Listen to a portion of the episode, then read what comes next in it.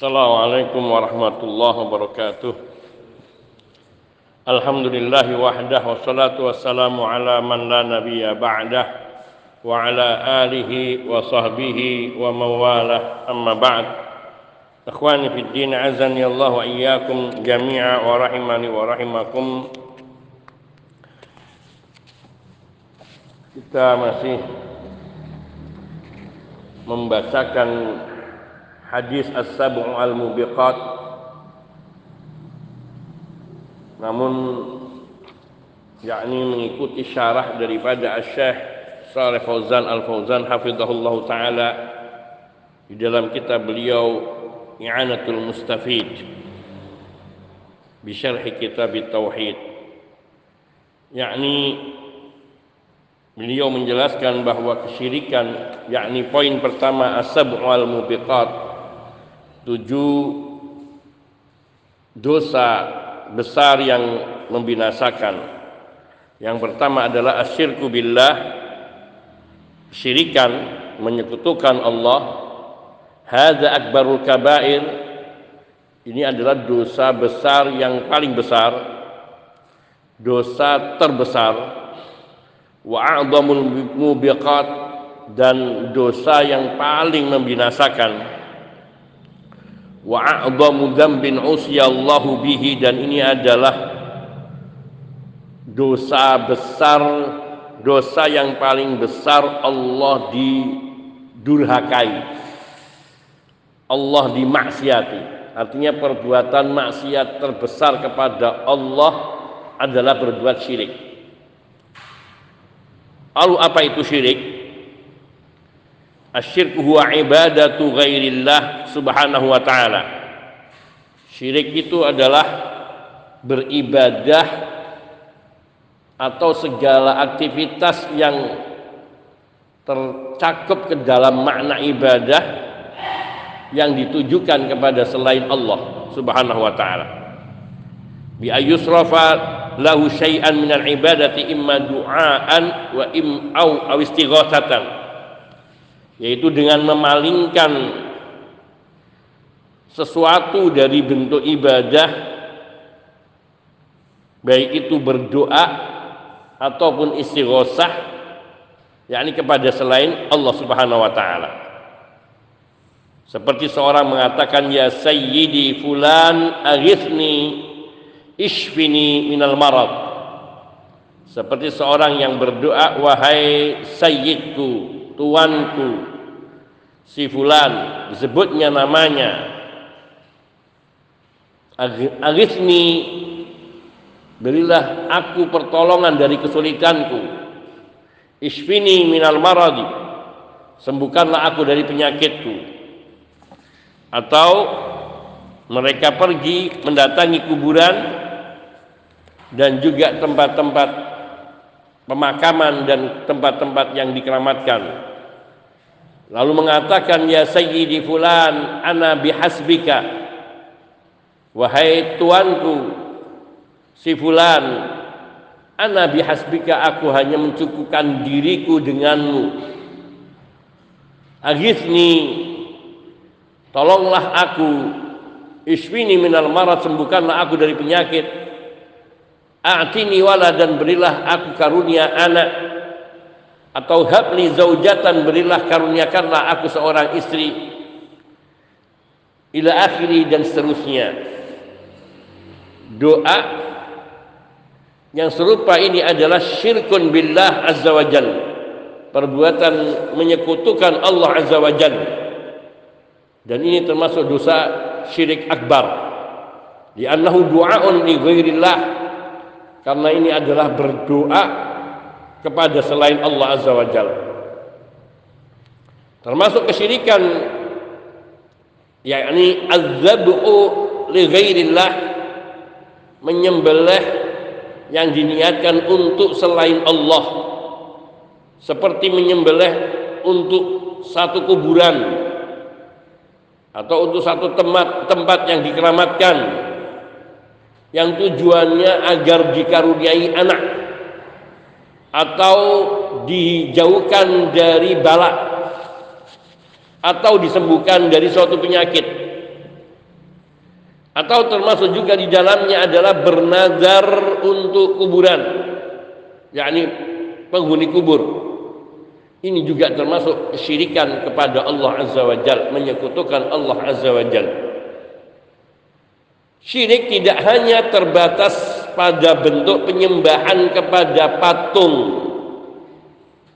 Tapi kesyirikan yakni terjadi pada setiap ibadah yang dipalingkan kepada selain Allah apa pun bentuk ibadah itu baik yang diibadahi itu patung berhala kuburan pohon batu sumur lembah gua sungai dan yang lainnya. Bila seseorang beribadah untuk hal-hal tersebut selain Allah Subhanahu wa taala atau bersamaan ia berdoa kepada Allah dengan menjadikan hal-hal itu sebagai wasilahnya pula maka itu juga kesyirikan dan kesyirikan ini yang patut diketahui la yughfa la yaghfiruhu Allah azza wa. Dosa syirik itu tidak diampuni oleh Allah azza wa jalla. Allah tabaraka wa taala berfirman dalam surat An-Nisa ayat 48 innallaha la yaghfiru ayyushraka bihi. Sungguhnya Allah tidak mengampuni dosa karena ia dipersekutukan Orang yang berbuat kesyirikan musyrik tidak akan masuk surga selamanya. Dan tempat kembalinya hanya neraka. Allah tabaraka wa taala berfirman dalam surat Al-Maidah ayat 4 ayat 72 Innahu man yusyrik billahi faqad harramallahu alaihi al-jannata wa ma'wahu an-nar Sesungguhnya man yusyrik billah, sesungguhnya orang yang menyekutukan Allah maka sungguh Allah telah haramkan atasnya surga. Allah haramkan baginya surga dan tempat kembalinya hanyalah neraka. Haramallahu alaihi jannah. Allah haramkan baginya surga artinya Allah menghalanginya untuk masuk ke dalam surga sama sekali. Wa ma'wahun dan tempat tinggalnya tempat kembalinya tempat tinggalnya yang kekal abadi adalah anar neraka. Wa malid min ansar dan orang-orang yang berbuat zalim yaitu yang berbuat kesyirikan tidak ada seorang penolong pun Ini bila mereka berbuat kesyirikan dan tidak bertaubat sampai akhir hayatnya. Bila seseorang meninggal dunia dan membawa dosa syirik akbar yang belum dia taubati, maka nasibnya seperti yang Allah firmankan di dalam surat Al-Maidah ayat 72 di atas. Ini dosa jenis dosa besar yang pertama yaitu kesyirikan. Jenis dosa kedua yang termasuk as-sabu al-mubiqat, dosa besar-besar yang membinasakan yang tujuh. Sebenarnya jumlah tujuh ini sebagai diterangkan oleh para ulama tidak maksudnya Nabi hanya membatasi tujuh. Namun Nabi Shallallahu Alaihi Wasallam ingin menyebutkan tujuh jenis dari dosa besar yang membinasakan dari sekian banyaknya dosa besar yang oleh Abdullah ibn Abbas radhiyallahu taala beliau beliau katakan 70 dosa besar itu lebih mirip daripada tujuh dosa besar. Artinya yang dimaksudkan oleh Nabi lebih tepatnya 70 dosa besar. Namun yang Nabi sebutkan di sini tujuh dosa besar, yakni karena Nabi ingin mengajarkan yang tujuh ini. Di riwayat-riwayat lain beliau mengajarkan yang tujuh dengan menyebutkan sebagian yang lain dan meninggalkan sebagian yang lain dengan tetap menyebutkannya tujuh jenis. kedua, jenis dosa kedua yaitu sihir. Dan inilah yang ingin dimaksudkan oleh Syekh Muhammad Ibn Abdul Wahab ketika menyebutkan hadis ini. Dalam bab ini yaitu keterangan tentang hukum sihir.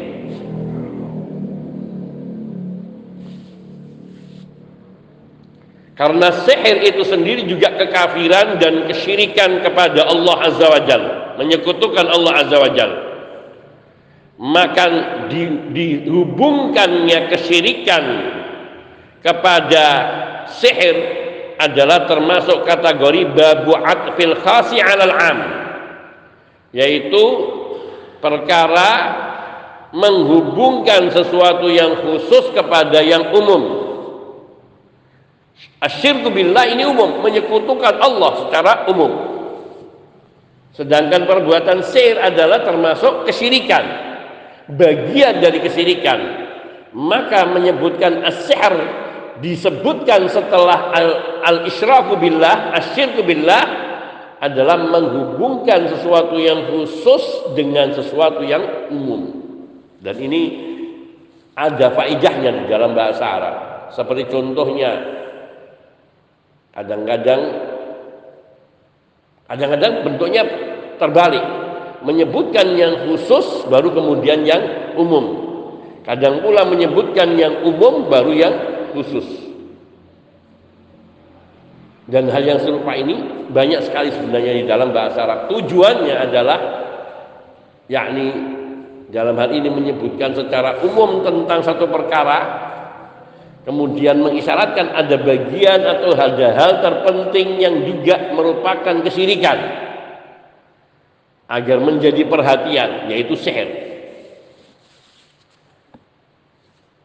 wa illa fasihru naw'un min anwa'i syirki sebab kalau pun tidak dikatakan demikian maka sihir itu sendiri adalah satu jenis dari jenis-jenis kesyirikan kepada Allah Azza wa Jalla termasuk bagian atau termasuk salah satu jenis kesyirikan. Akan tetapi Rasulullah Shallallahu Alaihi Wasallam di sini menyebutkan sihir itu secara terpisah dan tersendiri, artinya mengkhususkan penyebutan sihir dan menyambungkan atau menghubungkan kata sihir ini dengan kesyirikan. Ini adalah termasuk babu atfil khasi alal am min ajlil ihtimami bitajannubi. Itu termasuk bab penyebutan menghubungkan sesuatu yang khusus terhadap sesuatu yang umum yang tujuannya agar mendapatkan perhatian lebih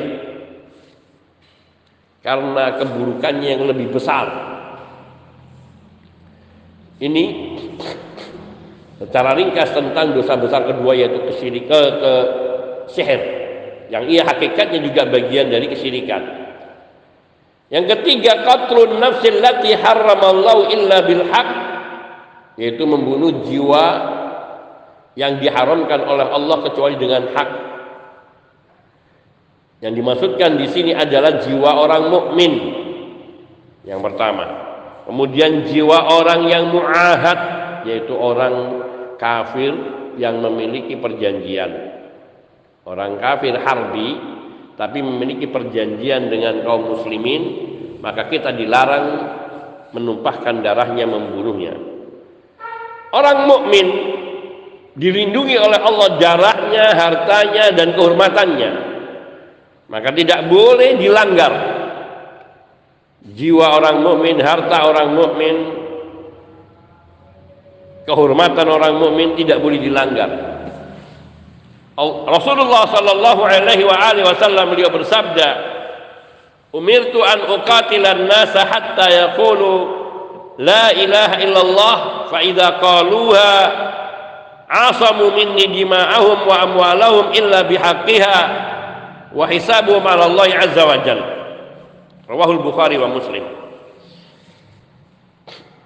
Sabda Nabi Sallallahu Alaihi Wasallam, aku diperintahkan oleh Allah untuk memerangi manusia sehingga mereka semua mengatakan la ilaha illallah tiada sesembahan yang hak kecuali Allah maka apabila mereka telah mengucapkan kalimat ini yaitu telah bersyahadat berarti mereka telah menjaga diri mereka dari ancaman dari ancaman pedangku menjaga harta mereka dari upeti. Kecuali apa yang menjadi haknya illa bihaqqiha wa hisabum 'ala Allah azza wa jalla kecuali apa yang menjadi haknya yakni zakat atau hal-hal yang terkait dengan hukum-hukum harta ataupun jiwa seperti seorang yang melakukan pelanggaran yang mengharuskan kisos.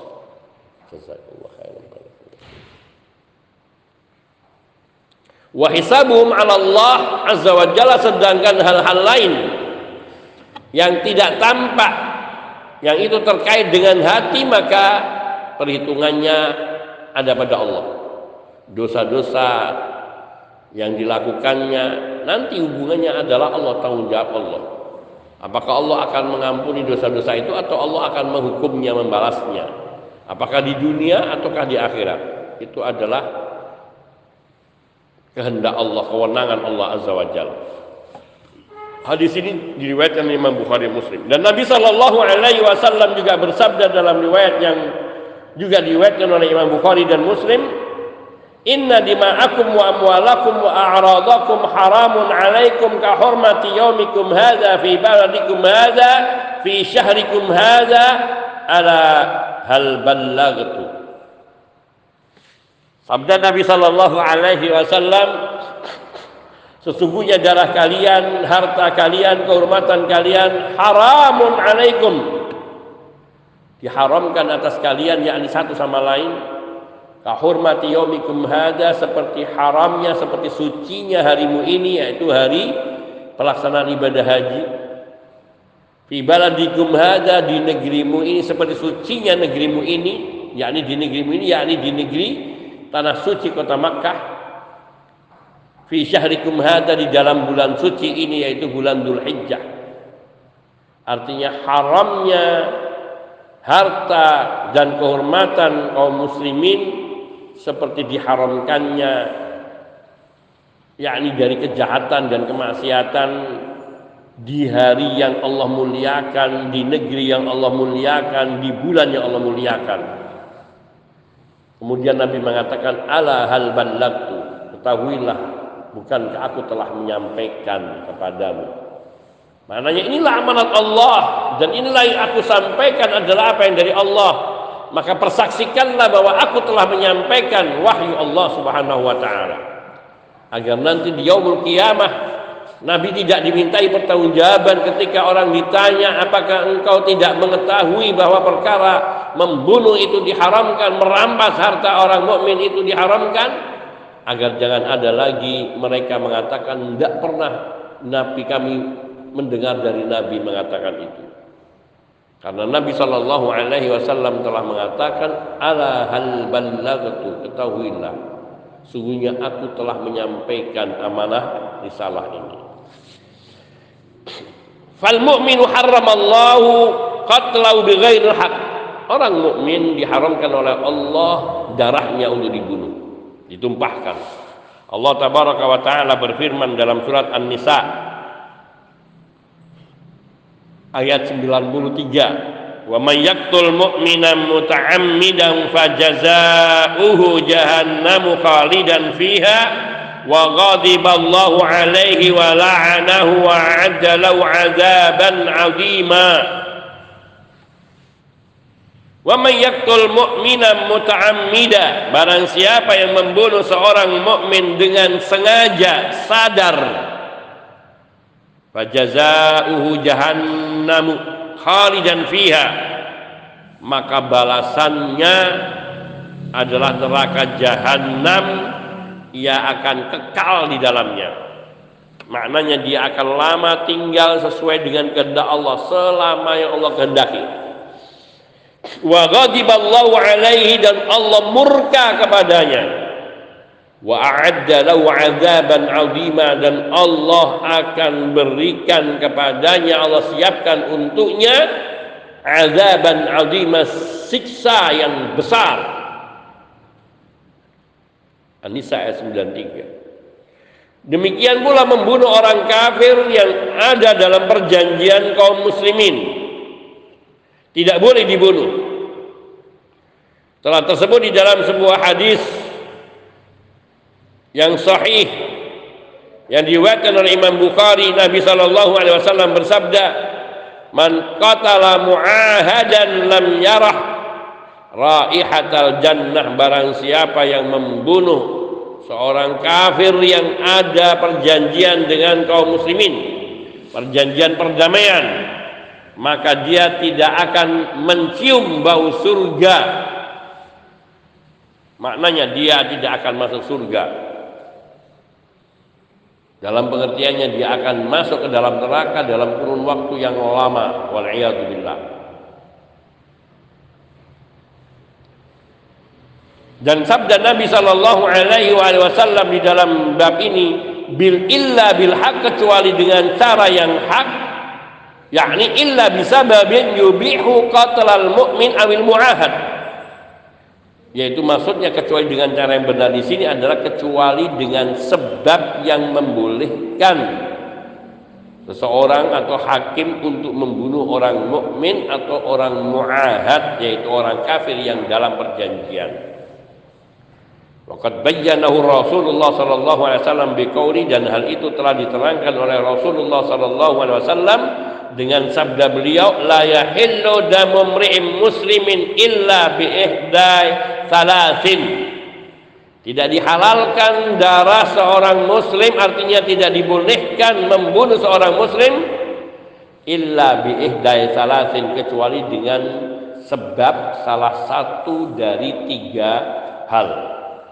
Yang pertama as-sayyibuz zani yaitu ketika seseorang yang sudah menikah atau dalam pernikahan atau pernah menikah berbuat zina maka dia ditumpahkan darahnya dengan cara dirajam.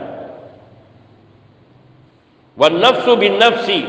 Yang kedua dibenarkan seseorang dibunuh apabila dia membunuh jiwa dengan sengaja. Kisos. Orang membunuh maka balasannya dibunuh. Wattariku dini al-mufarikul jamaah. Yang ketiga adalah orang yang meninggalkan agamanya murtad. Al-mufarikul jamaah yang ia memisahkan dirinya dari jamaah termasuk pemberontak di suatu negeri muslim. Maka pemberontak yang seperti itu dibenarkan untuk ditumpahkan darahnya kau dilawan seperti yang dilakukan Ali bin Abi Thalib radhiyallahu taala anhu terhadap kaum Khawarij yang tidak mau bertobat. Setelah diperingatkan maka mereka diperangi dan dihukum mati. Ini yang kedua, yang ketiga. Sedangkan yang keempat Oh, ini apa namanya uh, hadis yang yang yang asyibu zani maksudnya dalam hadis ini tiga hal ini seorang yang sudah pernah menikah kemudian berzina yang dimaksudkan adalah al muhsan alladhi tazawwaja wa wati'a zawjatahu bi nikahin sahihin thumma zana ainau yuqtalu. Seseorang muhsan dia orang baik-baik. Yang menikahi wanita ataupun menikahi seorang wanita dan dia sudah menggaulinya di dalam pernikahan yang sah kemudian dia berbuat zina maka hukumannya adalah dibunuh. Wa kaifiyatu qatli cara membunuhnya adalah ayyurjama bil hijarati hatta yamuta dilempari dengan batu yaitu dirajam sampai dia mati. Kama tawatarat bidzalika sunnatur rasul sallallahu alaihi wasallam wa dzalika himayatun lil a'rad Hal ini berdasarkan kepada hadis yang mutawatir, hadis-hadis yang mutawatir dari sunnah Rasul Sallallahu Alaihi Wasallam. Dan tujuannya adalah untuk melindungi kehormatan orang-orang banyak, orang mukmin. Artinya melindungi penghormatan orang mukmin jangan ada sampai campur baur nasab nantinya. Jangan sampai ada seorang yang nanti menzinai orang yang sudah menikah atau ada orang yang menzinai gadis-gadis sehingga masa depannya hancur karena sungguhnya perbuatan zina ini adalah perbuatan sosial, dosa sosial yang paling merusak kehidupan tatanan sosial. Sehingga seseorang dia menghadapi kesulitan untuk menisbatkan namanya kepada siapa. Karena ketika ia lahir sebagai anak yang tidak memiliki bapak. Karena hubungan zina itu anak yang lahir tidak dinisbatkan kepada bapaknya karena tidak punya bapak. Karena tidak menikah yang sah dengan ibunya. Sehingga namanya dinisbatkan kepada ibunya dan bila ia perempuan kemudian hendak dinikahi ketika suatu masa hendak menikah maka wali yang berhak menikahkannya adalah wali hakim. Dan bukan bapak kandungnya atau bapak yang biologisnya. Sehingga banyak timbul kerusakan yang besar apalagi bila itu dilakukan oleh pelacur yang dia menjajakan diri kepada banyak lelaki kemudian hamil. Naudzubillah wal billah semoga Allah mengangkat penyakit dan kemaksiatan serupa ini dari muka bumi kita. Maka tidak jelas siapa nasabnya. Dan memang tidak ada nasabnya. Ada pernah seorang sahabat Nabi datang kepada Nabi ya Rasulullah sungguhnya dulu saya di zaman jahiliyah saya berzina dan lahir daripadanya anak. Kata Nabi sudah tidak ada hubungannya. Itu adalah masa jahiliyah dulu. Dan dia bukan anakmu karena ia terlahir bukan dalam pernikahan yang sah dengan ibunya tidak menikah dengan sah dengan kamu. Maka itu bukan anakmu. Sehingga tidak ada tanggung jawab untuk menafkahinya dan juga tidak dinasabkan kepadanya. Makanya ini adalah merupakan keburukan kemaksiatan yang sangat jelek sehingga dikatakan oleh Nabi termasuk as-sab'u al-mubiqat salah satu dari tujuh dosa besar. Yaitu yang ketika ini dosa besar zina. Di tempat lain disebutkan kemudian yang keempat dosa besar yang keempat wa nafs oh ini masih masih apa namanya? Masih tiga perkara yang membolehkan seseorang itu untuk dibunuh yaitu an-nafsu bin nafsi al-murad bihi al-qisas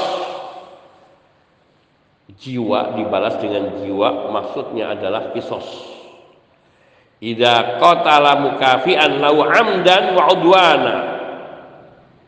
Apabila dia membunuh orang yang mukafian lahu yang sepadan dengannya dengan sengaja dan perbuatannya melampaui batas yaitu karena kedoliman bukan karena suatu alasan yang benar.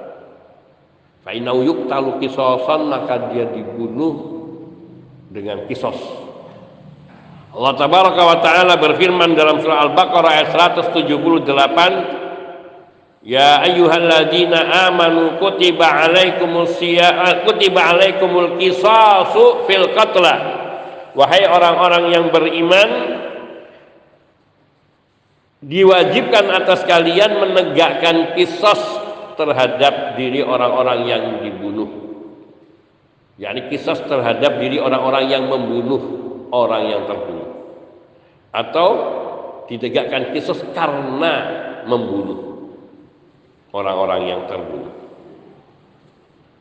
Allah Ta'ala juga berfirman dalam surat Al-Baqarah ayat 179-nya walakum fil qisasi hayatun ya ulil albabi la'allakum tattaqun. Dan di dalam kisos itu bagi kalian terdapat kehidupan. Artinya kehidupan itu kesejahteraan, stabilitas kehidupan nasional itu akan lebih terjaga kedamaian, keamanan lebih terjaga bila hukum kisos itu ditegakkan. Sehingga bila ada orang yang membunuh maka dihukum mati baginya dan itu akan membuat jerah bagi orang lainnya untuk bertindak seperti itu. La'allakum ya ulil albab wa orang-orang yang mau menggunakan akal fikirnya, orang-orang yang mau merenungi hukum-hukum Allah, orang-orang yang mau menghukum mau, mau berpikir dengan cerdas. La'allakum tattaqun itu semua tujuannya agar kalian semua bertakwa. yakni dengan adanya ancaman hukum kisos maka orang yang cerdas dia akan menjaga dirinya dari berbuat perbuatan yang diharamkan oleh Allah dan diancam dengan hukuman yang berat yaitu hukuman kisos tadi hukuman mati dan itu akan mendorong kalian untuk lebih bertakwa kepada Allah Azza wa Jalla. Dan untuk menjaga jiwa yang tidak berdosa dan tidak salah. Yang ketiga termasuk alasan yang dibolehkan seseorang untuk dibunuh At-tariku lidini al-mufariqul jamaah. Orang yang murtad yaitu yang melakukan salah satu dari pembatal-pembatal keislaman. Yang disebutkan terpentingnya adalah 10 macam pembatal keislaman. Yang termasuk di dalamnya kesyirikan. Juga menjadikan wasilah antara dirinya dengan Allah Azza wa Jalla. Dalam ibadah termasuk juga tidak mau menghukumi kafir pada orang yang kafir tidak mau menghukumi syirik orang yang berbuat kesyirikan besar. Maka dia juga murtad. Keluar Islamnya batal Islamnya. Fahada yustadabu. Namun orang yang berbuat dosa semacam ini yang melakukan perbuatan membatal keislaman diperintahkan dianjurkan bertaubat dulu. Fa in taba wa Islam wa illa qutila murtaddan kalau dia taubat kembali kepada ajaran Islam maka dia selamat, dibebaskan. Namun bila dia bersikuku dengan perbuatannya atau dengan prinsipnya dengan kekafirannya maka dia dibunuh karena dianggap telah murtad seperti orang yang meng, menganggap tidak wajibnya perkara-perkara yang sudah wajib yang diketahui secara doruri. Seperti sholat. Tidak mau sholat karena menganggap sholat tidak wajib maka dia dibunuh. Karena dia telah kafir murtad. Dan ini himayatan lid-dini minal abas untuk melindungi agama, menjaga agama agar tidak sia-sia. Karena kalau syariat agama tidak dilaksanakan, maka terjadilah kerusakan dan kekacauan di masyarakat sebagaimana yang terjadi di zaman ini mereka yang tidak menegakkan hukum Allah. Kemudian Nabi Shallallahu Alaihi Wasallam menyebutkan yang keempat dari dosa besar yaitu wa aklur riba memakan harta riba riba secara bahasa adalah aziyadah dan yang dimaksudkan di sini adalah tambahan secara khusus pada harta yang khusus harta tertentu. Dan ini termasuk jenis-jenis yang diharamkan oleh Rasul Shallallahu Alaihi Wasallam untuk dan jenis-jenis yang diharamkan oleh Rasulullah SAW untuk adanya penambahan padanya yaitu seperti tersebut dalam hadis yang dulu kita sebutkan az-zahabu emas dengan emas tidak boleh ada penambahan dalam penukaran. Wal fiddatu bil fiddati perak dengan perak tidak boleh ada penambahan dalam penukaran. Wal burru bil burri biji gandum. Dengan biji gandum tidak boleh ada penambahan. Wasyairu bisyairi gandum dengan gandum tidak boleh ada penambahan dalam penukaran. Watamru bitamri kurma dengan kurma juga tidak boleh ada penambahan dalam tukar menukar wal milhu bil milhi garam dengan garam tidak boleh ada penambahan yang satunya garam kros, krosok yang satunya lagi garam uh, meja, garam dapur. Ini harus kiloannya sama. Sekilo ditukar dengan sekilo. Kalau ada yang lebih, maka riba. Bagaimana caranya supaya tidak terjadi riba? Dibeli dulu. Kemudian ia membeli yang lainnya. Artinya membeli garam garam meja dengan uang. Baru kemudian orang yang menjual garam meja dia boleh membeli dengan uangnya membeli barang kerosak. Untuk garam kerosak, garam-garam garam laut. Artinya tidak tukar menukar dengan hal itu. Sawaan bisawain. Tujuh macam daripada jenis-jenis ini harus sama nilainya, sama beratnya. Sama berat dan sama sama nilainya. Enggak boleh ada yang lebih. Ya dan biadin dan harus dilakukan secara tunai, kontan, serah penyerah terimaannya langsung, tidak bisa lewat paket. Oke saya bayar kontan, ini saya bayar, saya kirim transfer, nanti tunggu berapa hari lagi sampai. Ini termasuk tidak tunai. Tunai adalah berhadapan takobut, ada langsung penerimaan serah terima. Faidah talafat hadil asnafu fabi'u kaifama syi'tum idza kana yadam. Kalau jenisnya berbeda seperti emas dibayar dengan uang. Ini masih uang masih sama. Misalnya emas dibayar dengan dengan bur atau dengan biji maka tidak mengapa berbeda nilainya, bukan berbeda nilainya, berbeda e, kiloannya sesuai dengan kehendak kalian, kesepakatan kalian kalau itu dilakukan dengan kontan tunai. Tidak boleh terutang. Wa alhaqad jumhurul ulama bihadi sita masyabahaha minafil illah.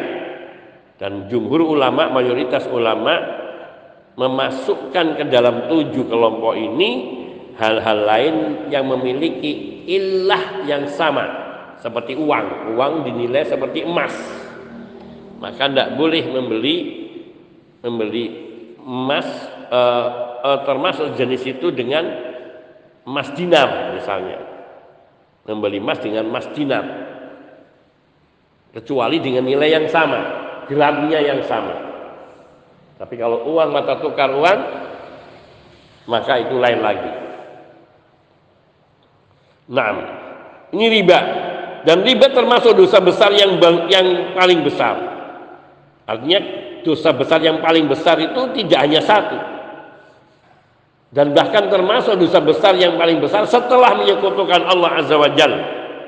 Sebagaimana Allah mengancam hal yang demikian itu dengan ancaman yang keras seperti tersebut di dalam surat Al-Baqarah di akhir surat Al-Baqarah yaitu ayat 275 sampai dengan 281 Allah tabaraka wa taala berfirman alladzina ya'kuluna riba la yaqumuna illa kama yaqumul ladzi yatakhabbatu syaitanu minal massi orang-orang yang memakan harta riba mereka tidak akan bangun ada yang menyebutkan yaumul kiamah dan ada yang menyebutkan kadang di dunia ini dibuat ujiannya seperti itu. La yakumuna mereka tidak bangun nanti di hari kiamat illa kama yakumul ladzi yatakhabbatu syaitan kecuali seperti bangunnya ia orang yang kesurupan setan. Ya Allah bangun dari kuburnya seperti kesurupan. Nauzubillah. Minal masjid kama yatahabbatu syaitan minal masih yaitu seperti orang yang kesurupan setan. Zalika bi annahum qalu innamal bai'u mithlu riba. Hal itu terjadi karena mereka berbuat riba karena mereka bangun dari kuburnya seperti orang yang kerasukan syaitan ngawur jalannya sempoyongan dan tidak tidak ada aturan Yang demikian itu dikarenakan mereka mengatakan bahwa jual beli itu sama saja dengan riba. Innamal bai'u mitru riba. Tidak ada bedanya jual beli dengan riba. Wa halallahu al-bai'a wa harrama riba wa harrama riba padahal Allah telah menghalalkan jual beli dan mengharamkan riba. Termasuk bunga bank termasuk administrasi tambahan denda dan sejenisnya itu riba. Faman ja'ahu mau'izatun min rabbi fantaha falau ma salaf wa amruhu ila Allah. Maka barang siapa yang ja'ahu mau'izatun min rabbi telah datang kepadanya nasihat dari Rabbnya yakni ada yang telah mengingatkan dan telah membaca ayat ini Fanta lalu dia berhenti bertaubat. Falahuma salaf. Maka dia mengambil harta apa yang sudah terlanjur. Yang sudah terlanjur dimaafkan oleh Allah. Wa amru ilallah. Selanjutnya urusan berikutnya adalah dikembalikan kepada Allah. Mana yang dulu pernah berbuat riba dia memakan harta riba kemudian tahu maka berhentilah setelah berhenti maka yang dosa lalu diampuni oleh Allah Waman ada adapun orang yang sudah tahu kemudian dia mengulangi lagi faulaika ashabun nar. Maka mereka ini adalah orang-orang yang akan menghuni neraka. Hum fiha khalidun mereka kekal di dalamnya artinya lama sekali di dalam neraka karena dosa riba. Yamhaqullahu riba wa yurbi sadaqati. Wallahu la yuhibbu kulla kaffarin asim. Allah akan menghabiskan harta riba. Orang yang berdagang berusaha dengan harta riba dihilangkan berkahnya. Akan cepat hancur itu harta riba yakni tidak akan memberikan faedah karena amal-amal ibadahnya sodakohnya dari riba tidak diberi pahala dan hakullah riba Allah menghanguskan harta riba maksudnya segala amal ibadah yang dia lakukan dengan harta riba dia pergi haji dengan harta riba dia membeli pakaian dengan harta riba semua dia bersodakoh dengan harta riba. Dia makan dengan harta riba semuanya. Nauzubillah. Karena besar besar. Wajur bisodakat. Sementara Allah akan menumbuh kembangkan pahala dari sodakoh yang diberikan dari harta yang halal. Wallahu la yuhibbu kulla kaffarin asim dan Allah tidak yuhib tidak suka tidak mencintai segala perbuatan setiap orang yang sangat kufur lagi pendosa. Dianggapnya orang yang berbuat riba itu sangat kufur kepada Allah. Tidak mensyukuri nikmat Allah tidak yakin dengan janji Allah bahwa manusia itu pasti akan mendapati rezekinya yang telah dijanjikan oleh Allah. Hanya tugas manusia itu mengambilnya dengan cara yang hak, yang benar, yang halalan thayyibah. Asim dan pendosa orang yang melakukan riba meskipun dia kategorinya adalah mendapatkannya dengan cara riba bukan mencuri maka hukumnya lebih keji dari mencuri. Karena sungguhnya kita tahu dari hadis-hadis Nabi Shallallahu Alaihi Wasallam salah satu dosa besar dari 72 tingkatan dosa riba yang paling kecilnya dari tingkat dosa riba itu memiliki 72 atau 73 dosa tingkatan riba. Yang paling kecilnya seperti seseorang menzinai ibu kandungnya. Waliyadzubillah sampai kepada firman Allah Subhanahu wa taala di ayat 281 wattaqu yauman turja'una fihi ilallah dan takutlah kalian pada hari di mana kalian semua akan dikembalikan kepada Allah Azza wa Jalla. Demikian pula Nabi Shallallahu Alaihi Wasallam telah melaknat orang yang memakan harta riba, orang yang memberi riba, yaitu yang meminjamnya dengan mengembalikan pembayaran riba, wasyahidai dan dua orang yang menjadi saksinya, wakatibahu dan juga orang yang mencatatnya, seperti disebutkan dalam hadis yang sahih diriwayatkan Imam Muslim mereka semua dilaknat oleh Nabi Shallallahu Alaihi Wasallam. Farriba min a'dhamil kabair ba'da syirki dan dosa riba adalah dosa yang paling besar setelah kesyirikan. Dan sabda Nabi Shallallahu Alaihi Wasallam wa aklur riba memakan harta riba laisal muradu khususal akli tidak khusus dengan memakan saja wa inna ma kullal istimalat min aklihi wa lubsihi wa ihdaihi ila ghairihi. Memakan harta riba di sini tidak khusus hanya memakan saja namun segala bentuk pemanfaatan harta riba. Baik memakannya memakai pakaiannya artinya membelinya dengan cara dari harta yang riba atau ihda'uhu ila atau dia menghadiahkan kepada orang lain Kullu riba haram. Segala bentuk pemanfaatan harta riba adalah haram. Wa kadzalika man iddakharahu indahu aw ja'alahu rasidan lahu fil bank. Atau bagaimana juga orang yang menabungnya yakni di, di sistem ribawi atau ia mendepositokannya di dalam bank Namun disebutkan di sini dengan istilah memakan harta riba karena di anna ghaliba wujuhil intifa karena keumuman dan kebanyakan penggunaan atau pemanfaatan riba adalah dengan dimakan, dibelikan makanan. Karena setiap hari dia makan, dia memberi makanan untuk dirinya, untuk keluarganya. Wa illa wujuh isti'malat riba muharramah meskipun tidak dimakan tetap saja segala bentuk penggunaan dan pemanfaatan harta riba itu adalah haram. Nah, kita cukupkan sampai di sini. Wah, insya Allah kita akan lanjutkan memakan harta anak yatim, kemudian lari dari peperangan dan menuduh wanita-wanita baik-baik berzina. Hada minni wal afu minkum sallallahu wa sallam ala nabiyyina Muhammadin wa alihi wa sahbihi ajma'in. Walhamdulillahi rabbil alamin. Subhanakallahumma bihamdika asyhadu an la ilaha illa anta astaghfiruka wa atubu ilaik. Assalamualaikum warahmatullahi wabarakatuh.